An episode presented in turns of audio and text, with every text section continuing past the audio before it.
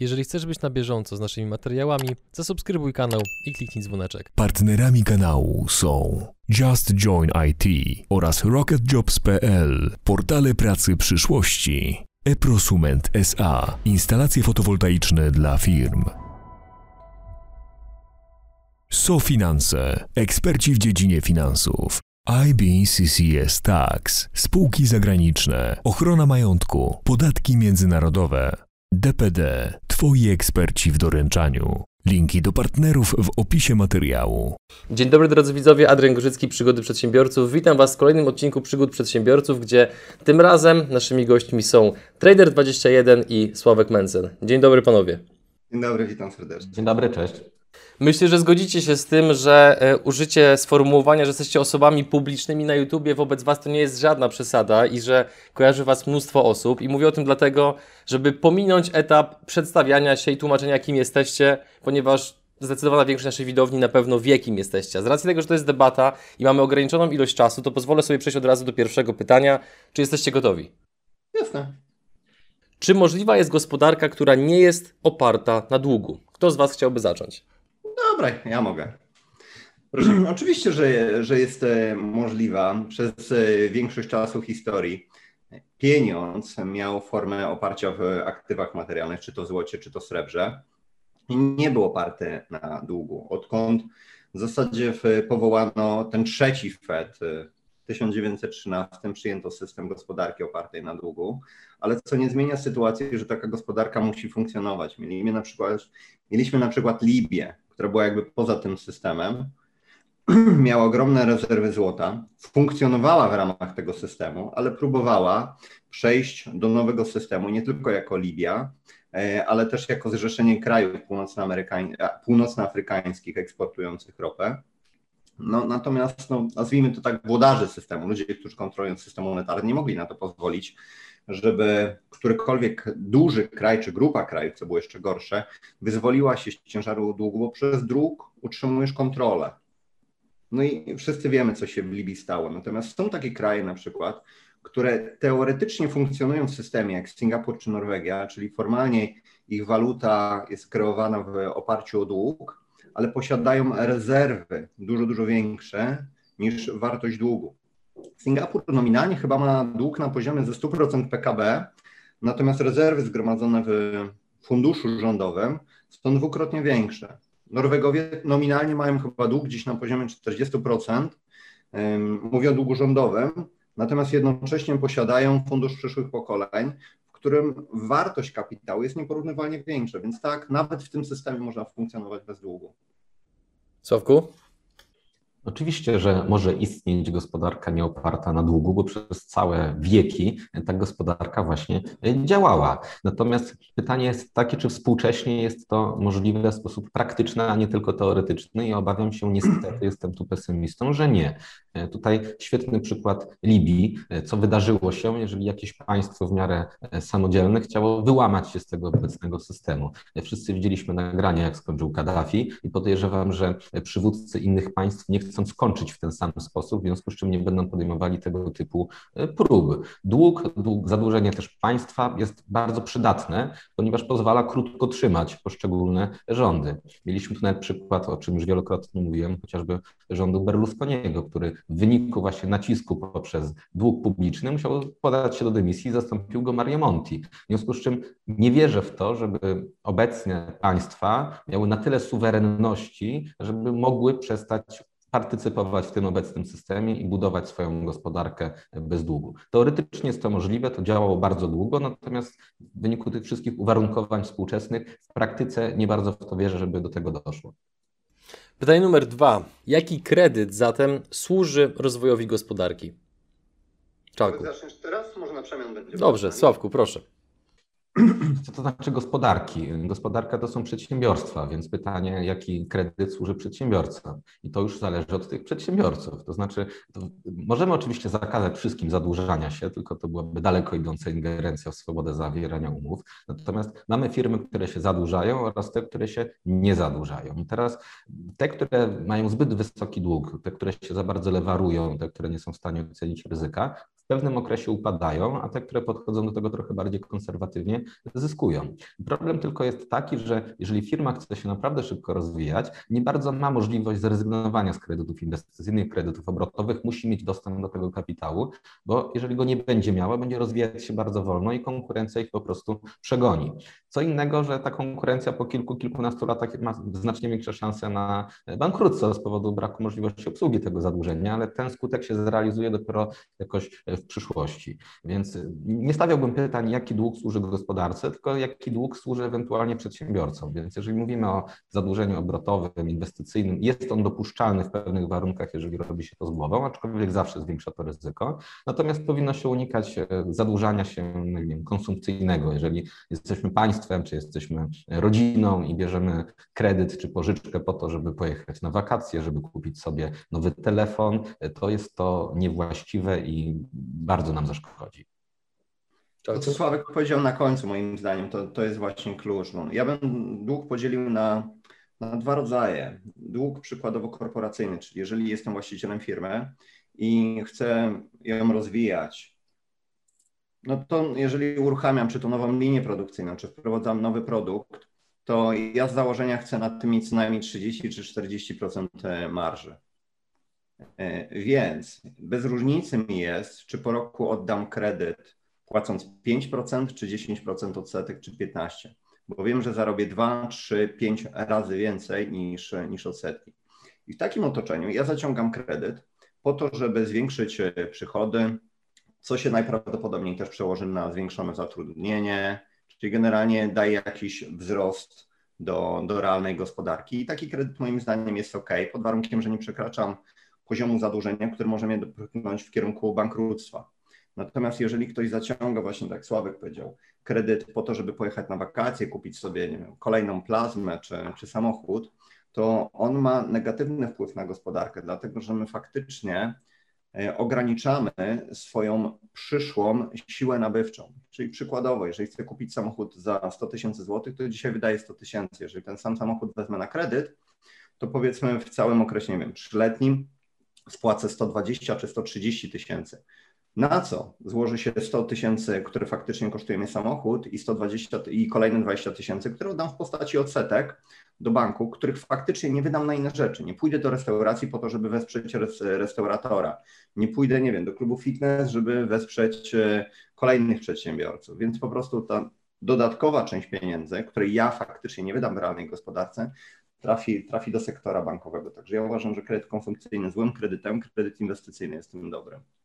Problemem jest taki, e, problem jest taki, że dzisiaj mamy silnie negatywne rzeczywiste stopy procentowe. Czy można wziąć kredyt taniej niż, e, niż wynosi inflacja, dlatego że stopy są ustalane arbitralnie przez banki centralne bądź RPP w polskim przypadku. Gdyby były ustalane przez rynek, to mielibyśmy dużo niższe zadłużenie bo każdy by się zastanowił, czy wziąć kredyt, za który zapłaci nie 2 czy 3%, tylko 10 albo 15 i wtedy byłby to naturalny mechanizm przeciwdziałający dalszemu zadłużaniu się. Dla przedsiębiorcy nie byłoby różnicy, czy płaci 5, czy płaci 15, bo on zarobiłby z nawiązką na to. Dla konsumenta byłaby to bardzo duża różnica. Największa różnica była dla polityków, którzy mieliby naturalny kaganiec, który sprawiłby, że nie mogliby nas dalej zadłużać. Natomiast jak mogą to zrobić po koszcie zero, bądź nawet ujemnym, no to, to nic nie stoi na przeszkodzie, żeby ten dług dalej przyrastał.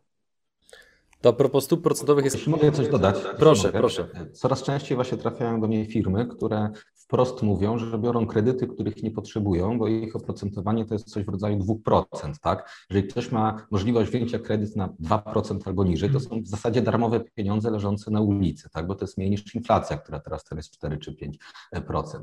I teraz pytanie, jakie firmy mają łatwiejszy dostęp do tak taniego pieniądza? To duże firmy, a nie małe. I w wyniku tego, że mamy teraz te właściwie zerowe stopy procentowe i bardzo tani dostęp do bardzo taniego pieniądza dla dużych firm, duże firmy wykorzystują ten kapitał do tego, żeby wypierać z rynku mniejsze firmy, które nie mają możliwości takiego finansowania. Więc to ta część naszego współczesnego systemu finansowego, tego naszego świata długu też jest bardzo negatywna, ponieważ zaburza wolną oraz uczciwą konkurencję i stwarza niesprawiedliwe, nieuczciwe przewagi konkurencyjne dla dużych firm mających dużo łatwiejszy dostęp do praktycznie darmowego pieniądza. Na poziomie osobistym dodałbym jeszcze, że to pogłębia dysproporcje pomiędzy tymi, którzy mają, a tymi, którzy nie mają. Dlatego dam ci, dam ci konkretny przykład. Ja od 2004 roku spłaciłem mój pierwszy i jedyny kredyt na, na zakup nieruchomości i od tego czasu nie miałem żadnego kredytu, ale teraz kupiłem działkę, będę budował tutaj dom. Nie potrzebuję absolutnie kapitału. Ja go wybuduję za własne pieniądze, po to tylko, że jak on już będzie oddany, ja chcę zaciągnąć kredyt w euro o stałej stopie, który przy mojej sytuacji pozwoli mi spłacać odsetki na poziomie 1% rocznie i ja to zrobię po to, żeby większość tego kredytu się zdewaluowała. Czyli ja zarobię na jego dewaluacji. Kto straci? Ci, którzy mają ekwiwalent tych pieniędzy na kontach, bo nie wiem, co z nimi zrobić. To jest transfer pieniędzy, to co właśnie zrobię, od osób, które oszczędzają, ale nie mają wiedzy finansowej, do spekulantów bądź do dłużników. No przykre, ale prawdziwe. I tego typu sytuacja pogłębia jeszcze dysproporcje pomiędzy, inaczej, niszczy klasę średnią. To pytanie takie poboczne, którego nie ma na liście. E, czy waszym zdaniem, biorąc pod uwagę trajektorię, na której jest globalna gospodarka, czy jest możliwa, być może to jest mocne porównanie, bądź mocne pytanie, kolejna wiosna ludów w Europie bądź na świecie? Jeżeli pogłębiają się tak mocno, że osoby, które nie mają właśnie pieniędzy, które de facto z roku na rok jest coraz większa dysproporcja między osoba, osobami biednymi a osobami zamożnymi, że w pewnym momencie po prostu osoby, osoby biedne wyjdą na ulicę. Do tego dojdzie na pewno, ale tak naprawdę to jest e, celem rządzących zniszczenie klasy średniej, bo ci, którzy mają oszczędności, to jest klasa średnia. Klasa wyższa jest, e, jest praktycznie nietykalna i tu bez różnicy, czy to są ludzie z paszportami dyplomatycznymi, którzy nie podlegają standardowym metodom opodatkowania, jak na przykład ludzie pracujący w bankach centralnych. No bo jeżeli chcesz wyeliminować klasę średnią, to najpierw niszczysz klasę niższą, a później skłócasz ludzi. Tak jak w Polsce na przykład, czy w Europie skłócono tych, którzy noszą maseczki, e, z tymi, którzy maseczek nie chcą nosić. To jest strategia dzieli rządź, więc najpierw wykańczasz tą niższą klasę, a później pokazujesz, że my musimy iść po tych, którzy mają, bo oni najprawdopodobniej to ukradli, dlatego jeszcze coś mają, więc trzeba im to zabrać, co jeszcze im zostało. Nie coś, coś, do, coś chcesz dodać? Ja nie znam przyszłości, jest to oczywiście możliwe, natomiast nie mam zielonego pojęcia, czy to się wydarzy. Naprawdę nie wiem, nie spekuluję, nie jestem spekulantem. Podam tylko, dwa, podam tylko dwa przykłady. W Portugalii już przeszło prawo y, zezwalające na wywłaszczenie się z nieruchomości w imię walki z COVID-em. W Hiszpanii psychopaci próbowali zrobić to samo, natomiast na szczęście zablokował to Sąd Najwyższy. Ale jedna taka próba niszczy całkowicie zaufanie do systemu. Więc najprawdopodobniej w całej Europie niedługo zostaną wprowadzone podatki od majątku. Dzisiaj masz je tylko w Szwajcarii, w której mają ponad 500 lat, 500, y, są wprowadzane ponad 500 lat temu na tak zwane finansowanie przez arystokrację tak zwanego plebsu i ma, są głęboko zakorzenione w kulturze i są w Hiszpanii od iluś lat. Natomiast moim zdaniem poziom opodatkowania majątku będzie rósł w kolejnych latach. Mhm. Majątek też jest opodatkowany w Holandii. Tam są podatki zarówno od pieniędzy na koncie, jak i od wartości nieruchomości, wartości e, chyba nawet akcji. E, tam się liczy taki hipotetyczny podatek dochodowy, rzędu chyba 5% od majątku i od tego dochodu, którego się nawet nie otrzymało, ale można było od hipotetycznie otrzymać, trzeba zapłacić podatek to w Hiszpanii na przykład kumulujesz wartość pieniędzy na lokatach w gotówce, wartość Twoich nieruchomości, akcji, firm nawet, zbierasz to do kupy i wszystko w, każdym, w każdej prowincji jest inaczej. Na Balarach masz kwotę wolną o podatku 850 tysięcy euro, powyżej tego płacisz progresywny podatek od majątku. W ogóle Holandia jest świetnym przykładem, do czego prowadzi wysokie opodatkowanie dochodu oraz majątku, ponieważ tam jest, są wysokie podatki dochodowe, to jest wysoko opodatkowany kraj, oraz podatki majątkowe, również wysokie. I co się okazuje, że Holandia na całym świecie ma największe nierówności majątkowe spośród wszystkich państw. Po prostu ciężko jest w Holandii dorobić się do, dojść do wysokich pieniędzy przy wysokich podatkach majątkowych oraz dochodowych, ponieważ uniemożliwia to wydarcie się z tego, załóżmy, kręgu klasy średniej do tej klasy wyższej z powodu zbyt wysokiego opodatkowania. Jak ktoś już jest bardzo bogaty, to dalej będzie bardzo bogaty i zwiększa to dysproporcje pomiędzy tymi, co mają, a tymi, co nie mają. To pytanie numer trzy a propos stóp procentowych. Czy w obecnym świecie stopy procentowe mogłyby być kreowane wyłącznie przez popyt i podaż, a nie ustalane przez RPP?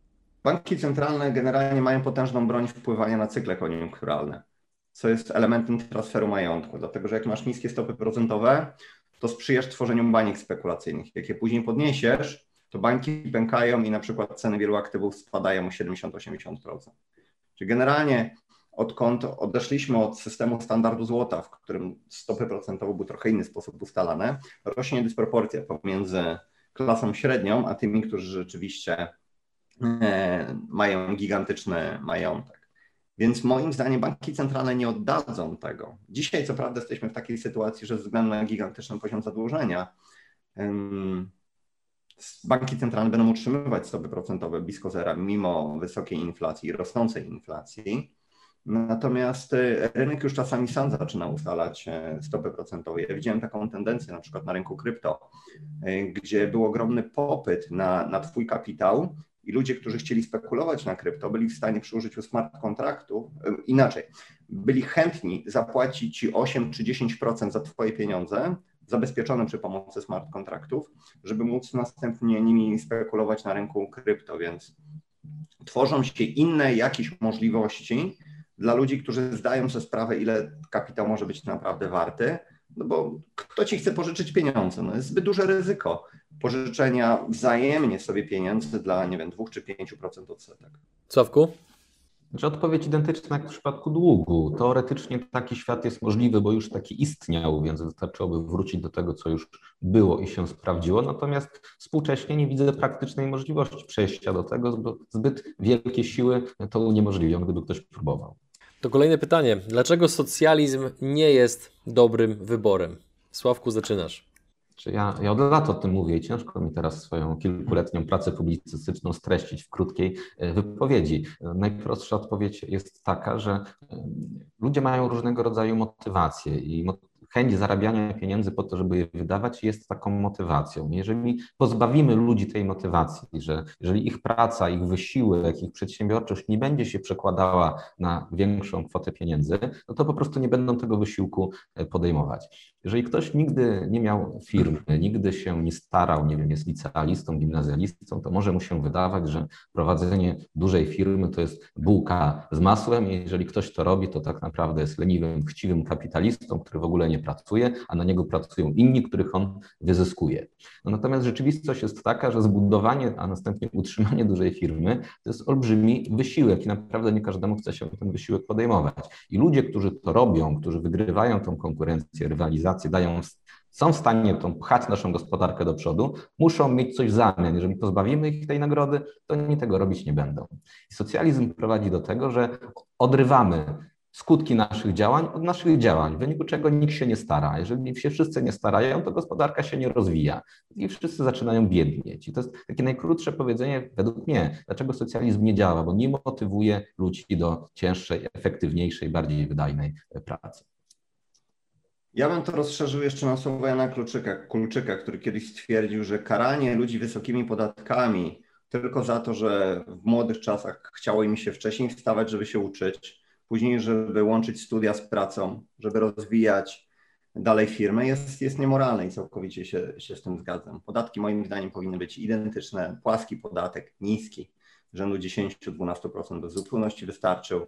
Wtedy nie mielibyśmy progresywnych, czyli tego mm, podatków progresywnych, czyli tego, na czym zależy socjalistom. A jeszcze takie, nie wiem, przesłanie do, do młodszych osób, które jest takie pra, mm, prawidłość, że im starsze osoby, tym bardziej są pracowite i bardziej mają takie tendencje prokapitalistyczne. Im osoby młodsze, tym bardziej idą w kierunku socjalizmu, gwarantowanego dochodu, po prostu się ludziom nie chce.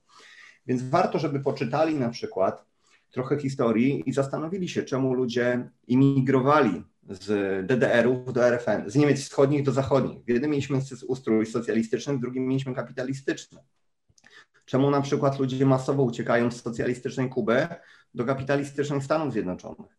Czemu spora część osób przenosi się z Kalifornii do Teksasu, gdzie Kalifornia idzie w kierunku socjalizmu ostrego, podczas gdy Teksas ciągle utrzymuje kapitalistyczny e, system.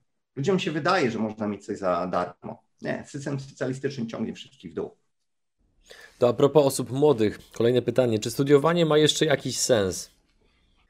Wiesz co, ciężko mi jest powiedzieć. No, jeżeli dzisiaj patrzę z perspektywy czasu, to spora część studiów uważam, że, że to był stracony czas. Może dlatego, że kiedy studiowałem na uniwerku, to bardzo rzadko chodziłem na zajęcia. Bardziej mi zależało na, na zdawaniu egzaminu, bo to był czas, kiedy, kiedy firmę rozwijałem.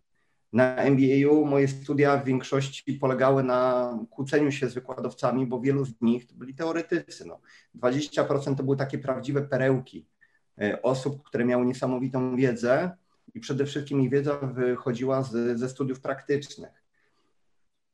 Uważam, że gdybym dzisiaj w obecnym systemie był na tej samej drodze i wiedział, jakiego bełkotu będą mnie uczyli na, na studiach, to bym ten czas wolał poświęcić na przeczytanie stu książek, które, z których bym się dowiedział nieporównywalnie więcej niż, niż na całych studiach. Problem jest natomiast taki, że inaczej ludzie, społeczeństwo traktuje cię jako osobę, która ma doktorat czy ma MBA, niż jako osobę, która po prostu skończyła tylko i wyłącznie liceum. Więc nie wiem, czy łatwo byłoby mi dalej tak, tak się rozwijać. Natomiast ja w życiu spotkałem mnóstwo super inteligentnych ludzi, świetnych przedsiębiorców, którzy nie skończyli żadnych studiów, bo zwyczajnie nie mieli na to czasu. Więc bardziej jest to zależne od tego, co masz w głowie i jak bardzo jesteś głodny wiedzy. Bo dużo lepszą wiedzę możesz wyciągnąć w krótszym czasie z książek odpowiednich niż, niż ze studiów. Studia dla mnie to było odbębnianie egzaminów. Sławku? Strasznie ogólne pytanie. Pytanie, kto dla kogo ma to sens i jakie studia? Bo jeżeli ktoś chce być lekarzem, czy inżynierem, tak. czy naukowcem, to musi studiować, to nie bardzo ma wyjście, tak? Natomiast jeżeli ktoś jeszcze nie wie, co chce w życiu robić, ewentualnie jeżeli wie, co chce w życiu robić i te studia nie są mu do tego, do niczego potrzebne, to nie ma żadnego powodu, żeby studiował. Mnóstwo kierunków w Polsce to są tak, tak naprawdę fikcyjne studia, gdzie ludzie absolutnie niczego przydatnego się nie uczą nie uczą się niczego przydatnego na rynku pracy oraz nie uczą się niczego, co ich rozwija. Tak? Po prostu marnują tam czas po to, żeby po tych czterech czy pięciu latach mieć papierek, że mają wykształcenie wyższe potem w CV sobie wpisać, że mam wykształcenie wyższe, jestem magistrem jakiegoś tam kierunku. Ale w żaden sposób się nie przekłada na kompetencje, wiedzę czy doświadczenie takiej osoby, bo poziom tych studiów jest po prostu niezwykle niski. Przy czym no, są znowu kierunki, które są przydatne i należy je studiować. I teraz pytanie też jest takie, czy my się jesteśmy w stanie czegoś na studiach nauczyć. No to też zależy od człowieka. Oczywiście są ludzie, którzy poza studiami nauczą się znacznie więcej niż na studiach, bo będą czytać książki, będą spotykać się z ciekawymi ludźmi, rozmawiać i wtedy z takiej własnej nauki wyciągną znacznie więcej. Mój ojciec zawsze powtarzał, że studenci dzielą się na samouków oraz na nieuków. To znaczy, jak ktoś się sam nie nauczy, no to i tak nie będzie umiał, nikt go do tej nauki po prostu nie jest w stanie e, zmusić. Ale nie wszyscy tak mają. Nie wszyscy tak mają, że poza tymi studiami, poza jakimś rygorem, koniecznością uczenia się do egzaminów są się w stanie czegoś nauczyć. Oni może takiego przymusu potrzebują, przy czym on w żaden sposób nie jest gwarantem, że się czegoś nauczą. Jak ktoś podchodzi do tego metodą zakuć, zdać, zapomnieć, to po pięciu latach i tak nic nie będzie wiedział i po prostu zmarnował pięć lat. To, co jest ważne, to to, że mnóstwo osób idzie na studia zupełnie niepotrzebnie, a znacznie lepiej ten czas by przeznaczyli, gdyby nauczyli się czegoś przydatnego. Mamy teraz olbrzymie deficyty na rynku pracy wśród ludzi, którzy coś potrafią zrobić, tak? Wśród jakichś elektryków, hydraulików, murarzy, budowlańców. No, jest mnóstwo miejsc pracy i nie ma komu pracować, bo wszyscy poszli na europeistykę i potem e, są oburzeni, że ktoś mu proponuje na przykład pracę malarza, który może wyciągać znacznie więcej niż absolwent europeistyki i nie musi tych pięciu lat na studiach marnować. Niestety coraz więcej osób podchodzi do tego, że papier musi być, a przy okazji będę miał 5 lat zabawy. No okej, okay, zmarnuje ktoś 5 lat bardzo swoich efektywnych na, na zabawę, no to no, na tym straci, ale niestety coraz więcej osób ma takie podejście. Natomiast jeszcze, jest jeszcze jedna rzecz, której nie wolno nie doceniać, a ona praktycznie nie funkcjonuje w debacie publicznej. Jedną z najważniejszych rzeczy, które należy wyciągnąć ze studiów w dużym mieście, są znajomości. Jeżeli idziecie na dobry kierunek w dużym mieście, to z wami studiują ludzie, którzy w przyszłości będą właścicielami dużych kancelarii, dużych firm, będą na wysokich stanowiskach, sami będą mieli swoje znajomości i warto tych ludzi po prostu poznać, kiedy ma się 19, 20, 21 lat, bo takie znajomości zostają na całe życie i znacznie łatwiej się z tymi ludźmi zaprzyjaźnić, kiedy jesteśmy młodzi, niż jeżeli jesteśmy starsi. Więc jeżeli studujecie na dobrej uczelni w dużym mieście, dobry kierunek, to pamiętajcie, że jedną z najważniejszych rzeczy jest poznać jak najwięcej waszych kolegów i koleżanek ze studiów, bo ta wiedza będzie i te, te znajomości będą wam procentowały przez kolejne dekady. Dzięki, że jesteś z nami i oglądasz nasze filmy. Chcielibyśmy przekazać Ci krótką informację. Przygody przedsiębiorców to nie tylko wywiady. Na co dzień zajmujemy się przede wszystkim generowaniem leadów dla biznesu za pomocą YouTube i wideo marketingu. Jeżeli chcesz sprawdzić, jak moglibyśmy pomóc Twojej firmie pozyskiwać więcej klientów, skontaktuj się z nami wysyłając maila na adres kontakt małpa przygodyprzedsiębiorców.pl. Kolejne pytanie w takim razie a propos yy, wiedzy. Na jakim poziomie jest edukacja finansowa i wiedza ekonomiczna Polaków? Sławku, zaczynasz na tragicznym. E, ludzie nie mają pojęcia, że płacą podatki. Ludzie nie mają zielonego pojęcia, skąd się biorą zasiłki. Ludziom się wydaje, że jak się podniesie stawkę podatku dla najbogatszych, to nagle najbogatsi będą płacić więcej e, pieniędzy i oni będą z tego mieli być może wyższe zasiłki.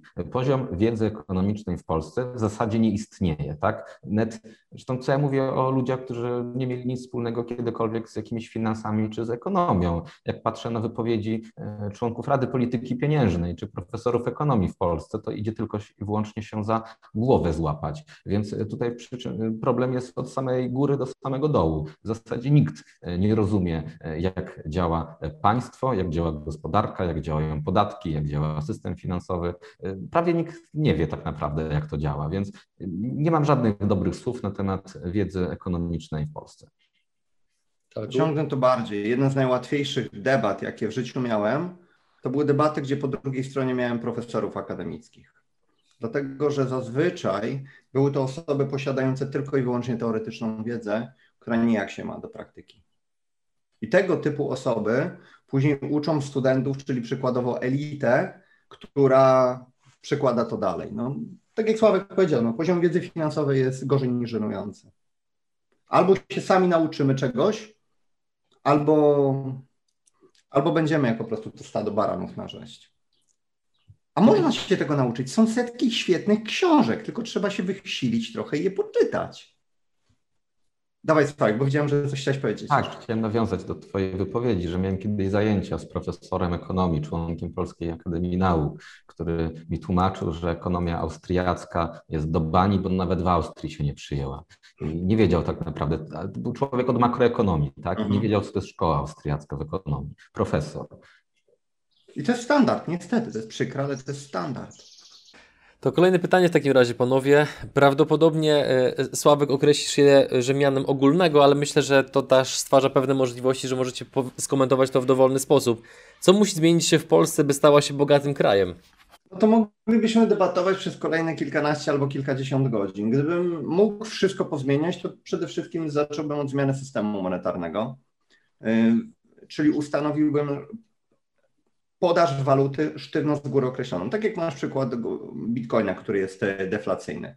Czyli nagle nie możesz zwiększać ilości waluty. Chodzi o to, żeby wykluczyć z systemu deflację, inflację, przepraszam. I miałbyś naturalną deflację, powiedzmy na poziomie 2 czy 3%, która wynika tylko i wyłącznie z, ze wzrostu produktywności, czyli z tym, tym samym z automatycznego spadku cen, bo jesteśmy w stanie z czasem wytwarzać dane produkty szybciej, taniej, lepiej.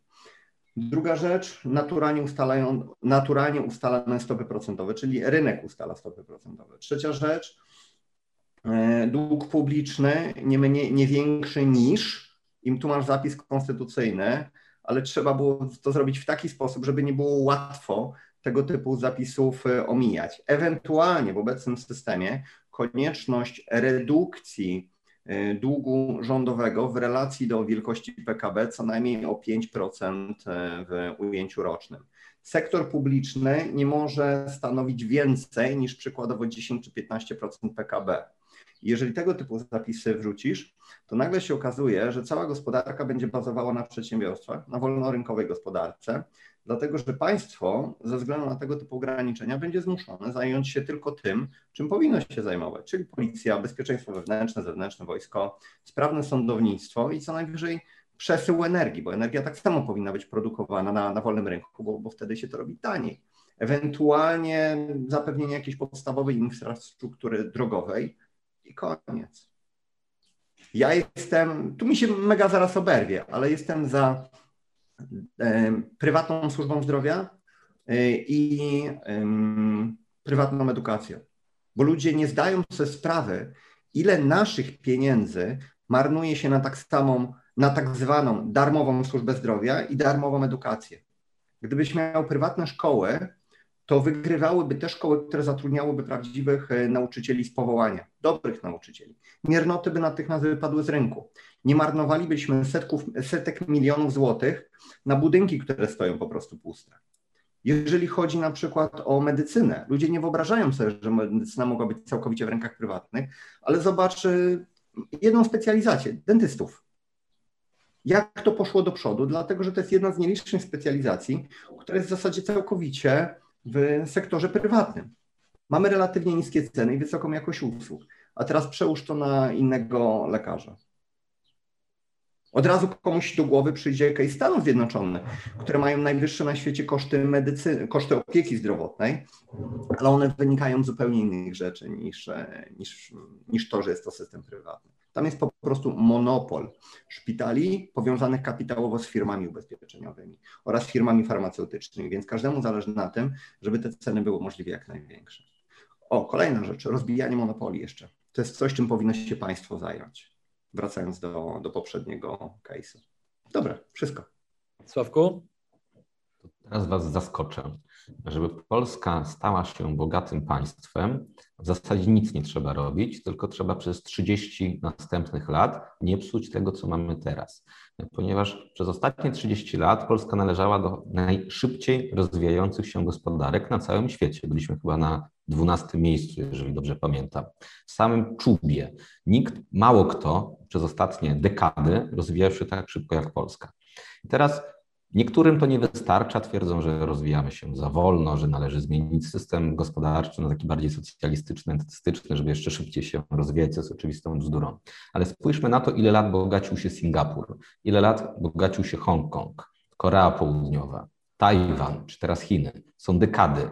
Żeby dojść z poziomu, na którym byliśmy w 1989 roku, do poziomu bogatego państwa, to trzeba 50 czy 60 lat rozwoju. Tyle to zajęło azjatyckim tygrysom i nam też to musi zająć tyle i nie możemy przerwać tej drogi w połowie. Jak spojrzymy na Polskę w roku 2015, 2016, czy nawet 17, to ja wiem, że wiele rzeczy, które nas otacza, jest na wyjątkowo dziadowskim poziomie. Mamy fatalny system prawny, fatalny system podatkowy, dziadowską administrację, słabą, ale już trochę lepszą niż kiedyś infrastrukturę. Mamy wiele rzeczy, które można naprawić, które są do naprawy bez jakiegoś strasznego wysiłku, ale które można zrobić. Jakby trochę je naprawić, to jesteśmy w stanie dalej rozwijać się przez te 30 lat pod jednym warunkiem że utrzymamy obecny poziom opodatkowania i nie odejdziemy za bardzo od obecnego poziomu uregulowania gospodarki, który jest oczywiście za wysoki, ale pozwalał nam na ten w miarę dynamiczny wzrost przez poprzednie dekady. Niestety tendencje w Polsce są od kilku lat już takie, że już nam się nie chce że my goniliśmy przez te 30 lat i teraz już mamy zadekretować, że już teraz będziemy państwem dobrobytu z płacą minimalną 4000 zł, że najbogatszym damy 45% opodatkowania, że tym najbiedniejszym damy jeszcze więcej pieniędzy, żeby nie musieli pracować. Tak? To jest zawrócenie z tej drogi, to jest powiedzenie cała wstecz, wracamy do PRL-u. Więc jeżeli będziemy teraz przez kolejne 30 lat wracać do PRL-u, to nie będziemy oczywiście bogatym państwem. Ale jeżeli tego nie zrobimy, jeżeli nie zawrócimy z raz obranej ścieżki, która oczywiście nie jest doskonała, można byłoby te podatki jeszcze obniżyć, żeby ten podatek nosił 10, a nie 19%, tak? Żeby to prawo było prostsze, żeby tych regulacji było mniej. To można zrobić, ale nie jest to niezbędne do tego, żeby się rozwijać na zadowalającym, na wyższym niż w Europie Zachodniej poziomie. Ale my potrzebujemy czasu. Nie jesteśmy w stanie znaleźć nagle olbrzymich złóż ropy, żeby momentalnie stać się bogaci. Musimy do wszystkiego dojść ciężką pracą, akumulacją kapitału, zwiększaniem swojej wiedzy, umiejętności, doświadczenia prowadzenia firm, zwiększania kompetencji pracowników. To wszystko jest do zrobienia, ale to wymaga czasu, tak jak wymagało czasu w każdej innej gospodarce, która obecnie jest bogata. Więc kontrowersyjna moja teza. Nic nie trzeba robić poza tym, żeby nie zepsuć tego, co mamy obecnie. Kolejne pytanie. Dlaczego poszukiwanie finansowania dziury budżetowej rozpoczyna się od szarpania przedsiębiorców? Z głupoty się rozpoczyna, po prostu z głupoty. W Ministerstwie Finansów mamy ludzi, którzy żyją, e, widzą gospodarkę, widzą świat przez Excela. Mają tam sobie takie tabelki, ile zarabiają ludzie No, mają, znaczy, ilu jest ludzi mających poszczególne dochody, mają tam stawki podatkowe i sobie wpisują, a zobaczymy, ile będziemy mieli pieniędzy, jak ktoś tam komuś podwyższymy podatki. Patrzą w kolejną tabelkę, o, jak dużo, to im podwyższymy i dzięki temu będziemy mieli na kolejne wydatki. Tylko, że świat tak nie działa.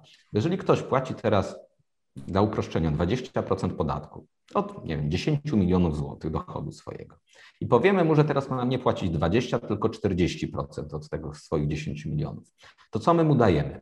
My takiej osobie dajemy budżet w wysokości 2 milionów złotych na walkę z tym państwem. I on ten budżet na co przeznacza? Na prawników, na doradców podatkowych, na jakieś koszty e, restrukturyzacji swojej firmy, przeorganizowania i postawienia jakiejś struktury podatkowej. Na to wszystko wyda i jeszcze zostanie mu spora górka, która będzie jego oszczędnością podatkową. I tak działa świat. Im wyżej podnosimy podatki, tym ci ludzie mają więcej teoretycznych pieniędzy, które mogą przeznaczyć na walkę z tymi podatkami. Gdyby podatki były niskie, to nikt by nie przeznaczył pieniędzy na obniżenie tego podatku. I tu mam mnóstwo praktycznych przykładów. Przykład polskie małe spółki ZO, czy akcyjne, takie o przychodach do 2 milionów euro, dopiero się rozwijające, płacą podatek dochodowy w wysokości 9%. A jeżeli zajmują się na przykład tworzeniem oprogramowania, to mogą to zbić sobie do 5%. I wyobraźcie sobie, że nie chcą tego robić, bo to 4 punkty procentowe, różnica między 9 a 5 jest na tyle nieistotna, że nie opłaca się zatrudniać do tego doradców podatkowych, nie opłaca się wypełnić jakiejś dokumentacji, bo oszczędność jest za mała, podatek na poziomie 9% jest powszechnie akceptowalny. Ale jeżeli jakaś firma płaci 19%, to jej chęć zmniejszenia z 19 do 5 jest znacznie większa. Ta firma podejmuje znacznie więcej wysiłku do tego, żeby ten podatek sobie zbić. To sobie pomyślcie, co będzie, jak podatek ma wzrosnąć do 40%. No tworzymy prawie połowę zysku firma może przeznaczyć na walkę z tym podatkiem i bez problemu jest w stanie to zrobić. Niektóre państwa to zrozumiały. CIT na całym świecie od dawna maleje, dlatego że jest konkurencja pomiędzy poszczególnymi państwami i te, które chcą przyciągnąć kapitał, inwestycje, albo chcą, żeby ich firmy były bardziej konkurencyjne, obniżają sobie ten podatek. Więc na całym świecie do tej pory teraz będzie pewnie zwrot, CIT malał. Natomiast podatki dochodowe od osób fizycznych wcale nie malały. Jeżeli spojrzymy na Europę Zachodnią, to standardem jest to, że osoby troszkę lepiej zarabiające płacą 40 czy 50% podatków, tak? Bo klasa średnia, tego rodzaju ludzie nie są w stanie uciec. To są prawnicy, to są ludzie związani z lokalną społecznością, którzy nie wyemigrują do innego państwa tylko dlatego, że tam jest trochę niższy podatek, tak? Więc można cisnąć wyższymi, efektywnie wyższymi podatkami klasę średnią, bo ona nie ucieknie. Dlatego mamy bardzo wysokie podatki we Francji, w Holandii czy w ale jeżeli spojrzymy na podatki od przedsiębiorstw, w takiej Szwecji na przykład, to one są w zasadzie na takim poziomie jak w Polsce. Tak? Jeżeli patrzymy na podatek od kapitału, od dochodu z kapitału, jest niewiele wyższy niż w Polsce. Szwedzi zrozumieli, kogo można opodatkować, klasę średnią oraz pracowników i kogo nie da się efektywnie wysoko opodatkować, czyli najbogatszych, bo oni tak z tymi dochodami uciekną ale tego nie rozumie ktoś, kto świat widzi przez Excela. I niestety w Polsce z dwóch powodów. Raz, że autentycznie ci ludzie myślą, że świat wygląda jak w Excelu, to, to robią, a dwa, mają z tego duże korzyści polityczne. Bo jak się pójdzie z mikrofonem na ulicę i zapyta się ludzi, czy bogatsi powinni płacić wyższe podatki, to niestety oni, ci ludzie zaczynają powiedzieć, tak, oni mają więcej, to niech płacą wyższe podatki. Bez żadnego zrozumienia konsekwencji tego rodzaju działań. Więc to wynika z Excela oraz to wynika z potrzeb bieżących propagandowych, politycznych, dlatego niestety wszystko wskazuje na to, że będziemy szli w tym kierunku. Większość w zasadzie już Sławek powiedział.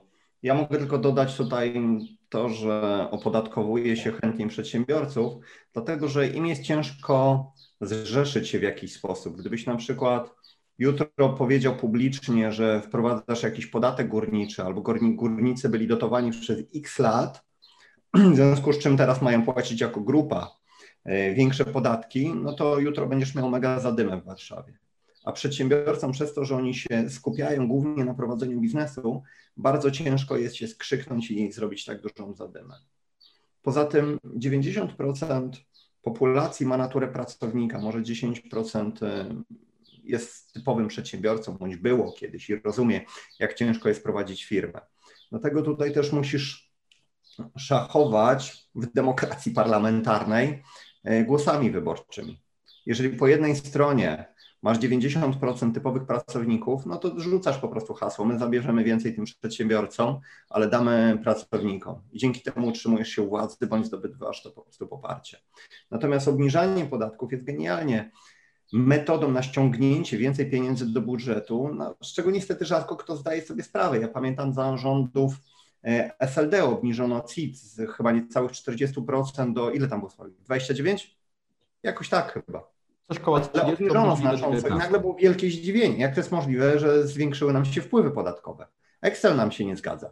Obniżono akcyzę chyba na alkohol i znowu wpływy się zwiększyły, bo nie opłacało się kombinować. Teraz po tym, jak wprowadzono ten ryczałt, nawet 9%, informatycy przestają zakładać firmy w Wielkiej Brytanii, bo im się nie chce. Wolą zapłacić te 10% w Polsce i mieć święty spokój, niż kombinować z delegacjami, z wynagrodzeniami członków zarządu Wielkiej Brytanii. Optymalizacja też kosztuje i jest, niesie ze sobą jakieś ryzyko, więc robisz niski podatek i ludzie dla świętego spokoju go po prostu płacą.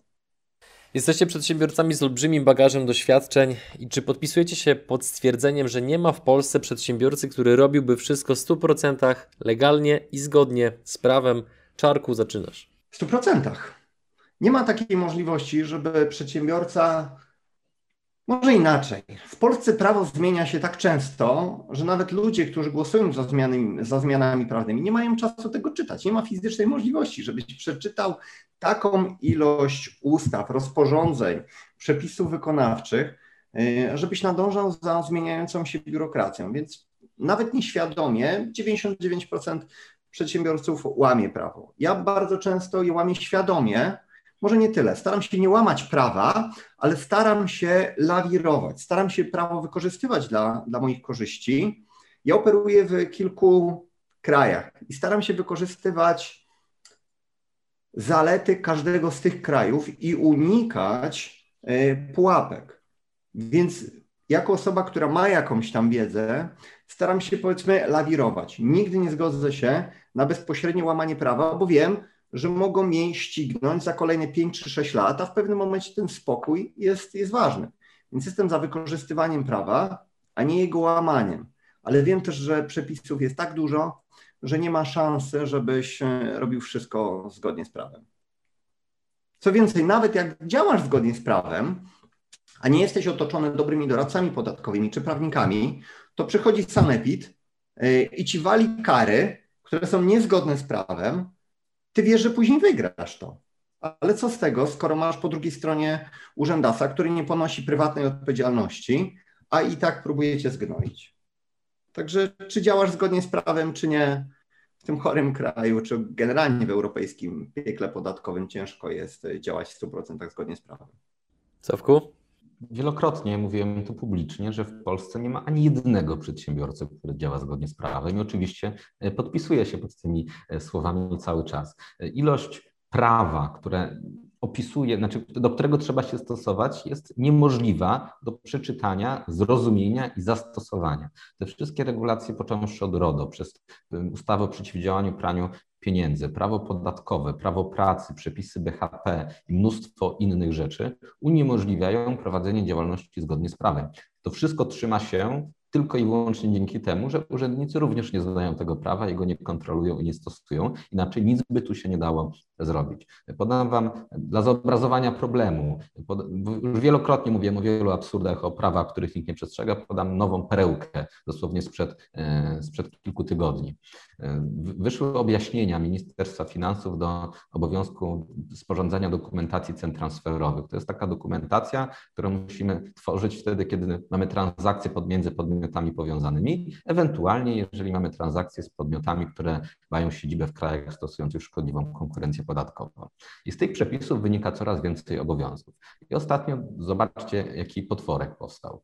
Otóż każda polska firma, która kupiła od jakiejkolwiek firmy w dowolnym miejscu na świecie, to może być polska firma albo zagraniczna, jakieś towary czy chyba usługi, albo towary powyżej chyba 500 tysięcy złotych rocznie, może zostać zmuszona do stworzenia dokumentacji cen transferowych, jeżeli ten nasz kontrahent w dowolnym miejscu na świecie zawarł chociaż jedną transakcję z firmą z kraju stosującego szkodliwą konkurencję podatkową.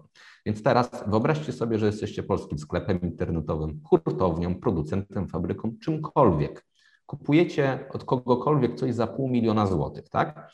I musicie się dowiedzieć, czy wasz kontrahent kiedykolwiek w tym roku zawarł jakąkolwiek transakcję z, z firmą z państwa stosującego szkodliwą konkurencję podatkową. Jak kupujecie coś z Chin, jaka jest szansa, że wasz kontrahent nie kupił nic od firmy z Hongkongu? niska. Jaka jest szansa, że wasz kontrahent nie napił się kawy na lotnisku w Hongkongu?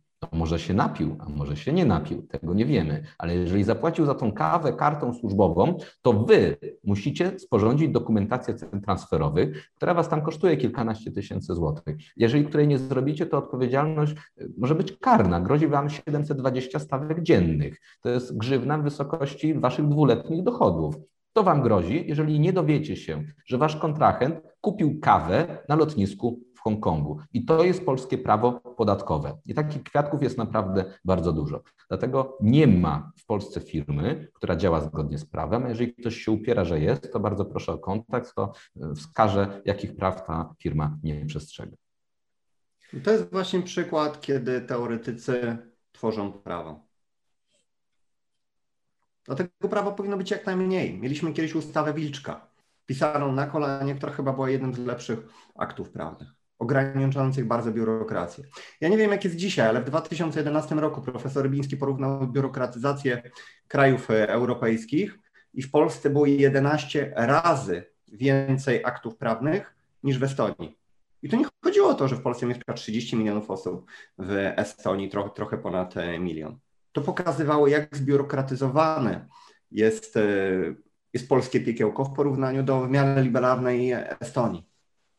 I tam się ludzie koncentrują na zarabianiu kasy, prowadzeniu biznesu, a nie przestrzeganiu RODO czy innych bzdur. Panowie, kolejne pytanie zahacza już troszeczkę o to, o czym było mowa, mowa wcześniej, e, ale być może uda Wam się ten wątek jeszcze trochę bardziej rozwinąć. Obecnie doświadczamy inflacji i spodziewamy się jeszcze wyższych poziomów w przyszłości.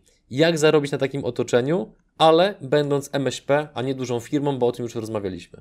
Ja nie zajmuję się e, spekulowaniem, tak naprawdę zajmuję się prowadzeniem jakichś tam e, firm, ale może poza kryptowalutami to nie inwestuję, no i trochę może poza akcjami. E, nie inwestuję tak aktywnie, tak?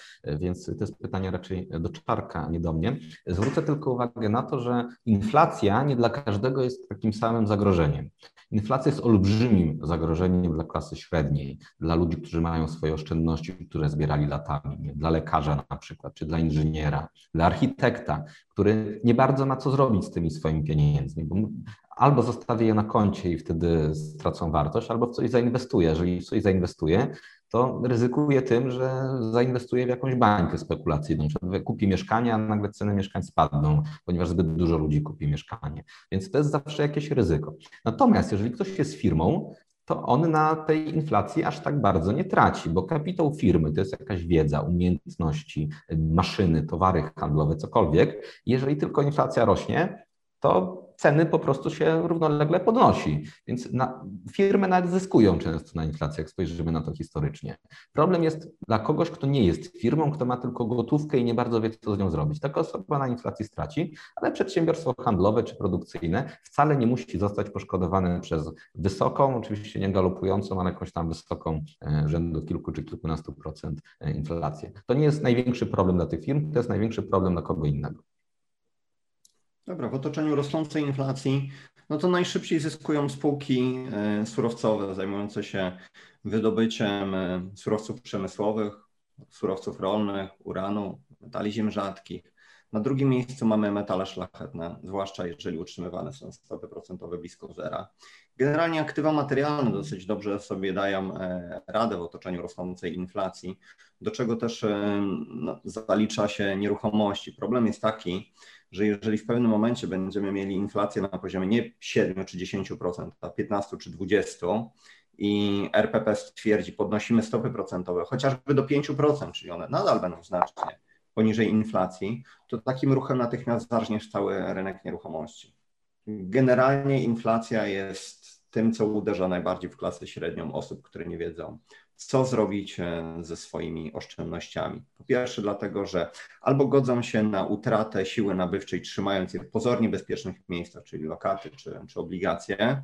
Jak już widzą, jak, jak te pieniądze topnieją w wyniku inflacji, to zaczynają bawić się w spekulantów.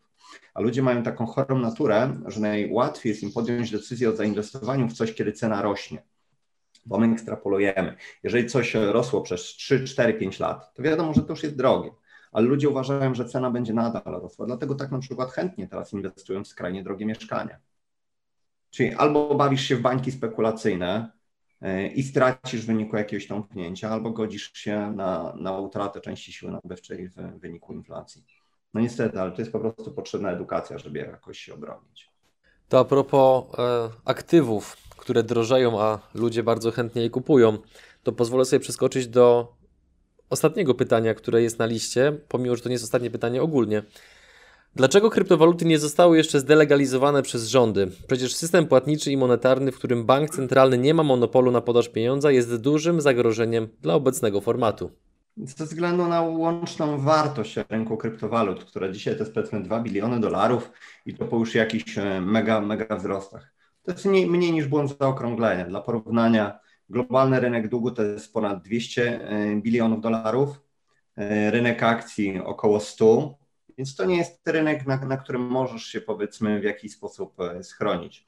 Co więcej, popularyzacja kryptowalut była trochę na rękę bankom centralnym, dlatego że one teraz wypuszczają CBDC, czyli bank, cyfrowe waluty banków centralnych i 90 9% osób uważa, że to jest ekwiwalent krypt. To jest jedna wielka bzdura. To są takie waluty, jak mamy dzisiaj, tylko jak już się okazało, potwierdza się to, co mówiłem, nie wiem, z rok temu, to są waluty z określoną datą ważności. Czyli ta popularyzacja krypto dała możliwość bankom centralnym na wprowadzenie ich własnych stricte elektronicznych walut, które dostaniesz na konto, przykładowo pewnie w formie jakiegoś gwarantowanego dochodu czy jakiegoś zasiłku, ale masz powiedzmy miesiąc na ich wydanie. I to będzie narzędzie, które sprawi, że, że zacznie wreszcie, wreszcie rosnąć e, mm, inflacja. Co więcej, zmienność na rynku kryptowalut moim zdaniem też jest bardzo na rękę ludziom, którzy są na szczycie tej piramidy, tak nazwijmy to, finansowej, bo nie wiedzą dokładnie, kiedy są niskie ceny, kiedy jest skrajnie negatywny sentyment, czyli kiedy masz inwestować, a kiedy należy się z tego rynku wycofać. Im większa zmienność, tym większy transfer majątku. Zobacz, 2017 rok. Dzieciaki inwestowały w krypto. Ludzie inwestowali w krypto, którzy nigdy nie kupili akcji, obligacji, żadnego funduszu, złota, ale nagle stali się specjalistami od krypto. Później w 2019 roku był płacz, jak potracili od, 90, od 80 do 90 kilku procent. I teraz będzie podobnie. Sławku? To jest bardzo dobre pytanie, dlaczego kryptowaluty jeszcze nie zostały zdelegalizowane i również sam sobie je zadaję, e, ponieważ mam coraz większy lęk przed tym, że oni w końcu to zrobią, a jedynym powodem, dla którego jeszcze tego nie zrobili, jest to, o czym mówił Czarek, czyli że kryptowaluty póki co są zbyt mało istotne, ale jeżeli staną się ważniejsze, jeżeli staną się powszechniejsze, jeżeli ta adopcja kryptowalut zwiększy się, to niestety bardzo obawiam się tego, że ktoś po prostu kryptowaluty chwyci za twarz. I stanie się to samo, co stało się z Donaldem Trumpem czy z tym serwisem Parler w styczniu 2021 roku. Zostaną po prostu odcięci od świata. Wystarczy odciąć największe giełdy e, kryptowalutowe od systemu finansowego, od systemu bankowego i spora e, część użyteczności kryptowalut po prostu zniknie. E, argumenty, które sprzeda się gawiedzi, dlaczego należy tak robić, są oczywiste. Będziemy zalewani reportażami oraz materiałami o tym, że kryptowaluty są wykorzystywane do wymuszania okupów, do prania pieniędzy, do unikania opodatkowania, do finansowania terroryzmu, do ukrywania majątku. Wykopywanie kryptowalut zużywa więcej prądu niż jakieś państwo Ameryki Południowej albo jakieś państwo azjatyckie. Jest to bardzo nieekologiczne i przyspiesza globalne ocieplenie i wszyscy umrzemy. Zestaw argumentów, dlaczego należy wyciąć kryptowaluty, zdelegalizować je, jest bardzo duży i prędzej czy później po prostu zostanie e, wykorzystany. Dlatego o ile jeszcze rok temu miałem bardzo optymistyczne nastawienie do kryptowalut, to teraz mam już znacznie mniej i obawiam się, że one bliższej lub dalszej przyszłości po prostu zostaną wyrzucone, zanim urosną tak mocno, żeby zagrozić temu obecnemu systemowi finansowemu. Dwa kraje w ramach uzupełnienia już poszły w kierunku delegalizacji walut, była to Rosja i Indie. Tam albo jest już e, zakazane prywatne posiadanie kryptowalut, e, albo musisz to raportować niesamowicie dokładnie pod, pod karą kilkuletniego więzienia. Już wielokrotnie aktywa, które były niewygodne dla rządu, były zakazywane. W latach 50. w Polsce nie mogłeś e, posiadać ani złota, ani walut. Natomiast rynek nie lubi próżni. No. Dolary były zakazane, mieliśmy przecież Baltonę, mieliśmy Pewex, mieliśmy cinkciarzy na każdym roku. W Stanach Zjednoczonych w, 3, chyba w 1933 roku zdelegalizowano prywatne posiadanie złota i tylko 25% osób oddało. Także rynek nie lubi próżni. Myślę, że tutaj znajdą się rozwiązania, nawet jeżeli rządzący będą próbowali um, ukręcić łeb kryptowalutom. Wydaje mi się, że pójdą bardziej w kierunku takich regulacji, takich wymuszeń na, posiada- na właściciela giełd, żeby ten system funkcjonował, ale jednocześnie, żeby rządzący mieli pełen dostęp do, do informacji, czyli w, żeby wyeliminować ten główny, główną, główny atut kryptowalut, czyli anonimowość. Jak nie będziesz miał anonimowości, będą wiedzieć o tobie wszystko, to przypuszczam, że wtedy to zostawią w tej czy innej formie, ale na pewno nie w obecnej. Panowie, bardzo Wam dziękuję za rozmowę. Czas nam się powoli kończy, więc drodzy widzowie, jeżeli macie jakiekolwiek pytania bądź uwagi do tego, co zostało powiedziane i poruszone w dzisiejszym materiale, to oczywiście zachęcamy Was do stawiania komentarzy pod filmem. A ja, panowie, żegnam się z Wami. Bardzo Wam dziękuję za rozmowę i do zobaczenia być może kolejnym razem. Super, bardzo chętnie. Do zobaczenia. Do zobaczenia.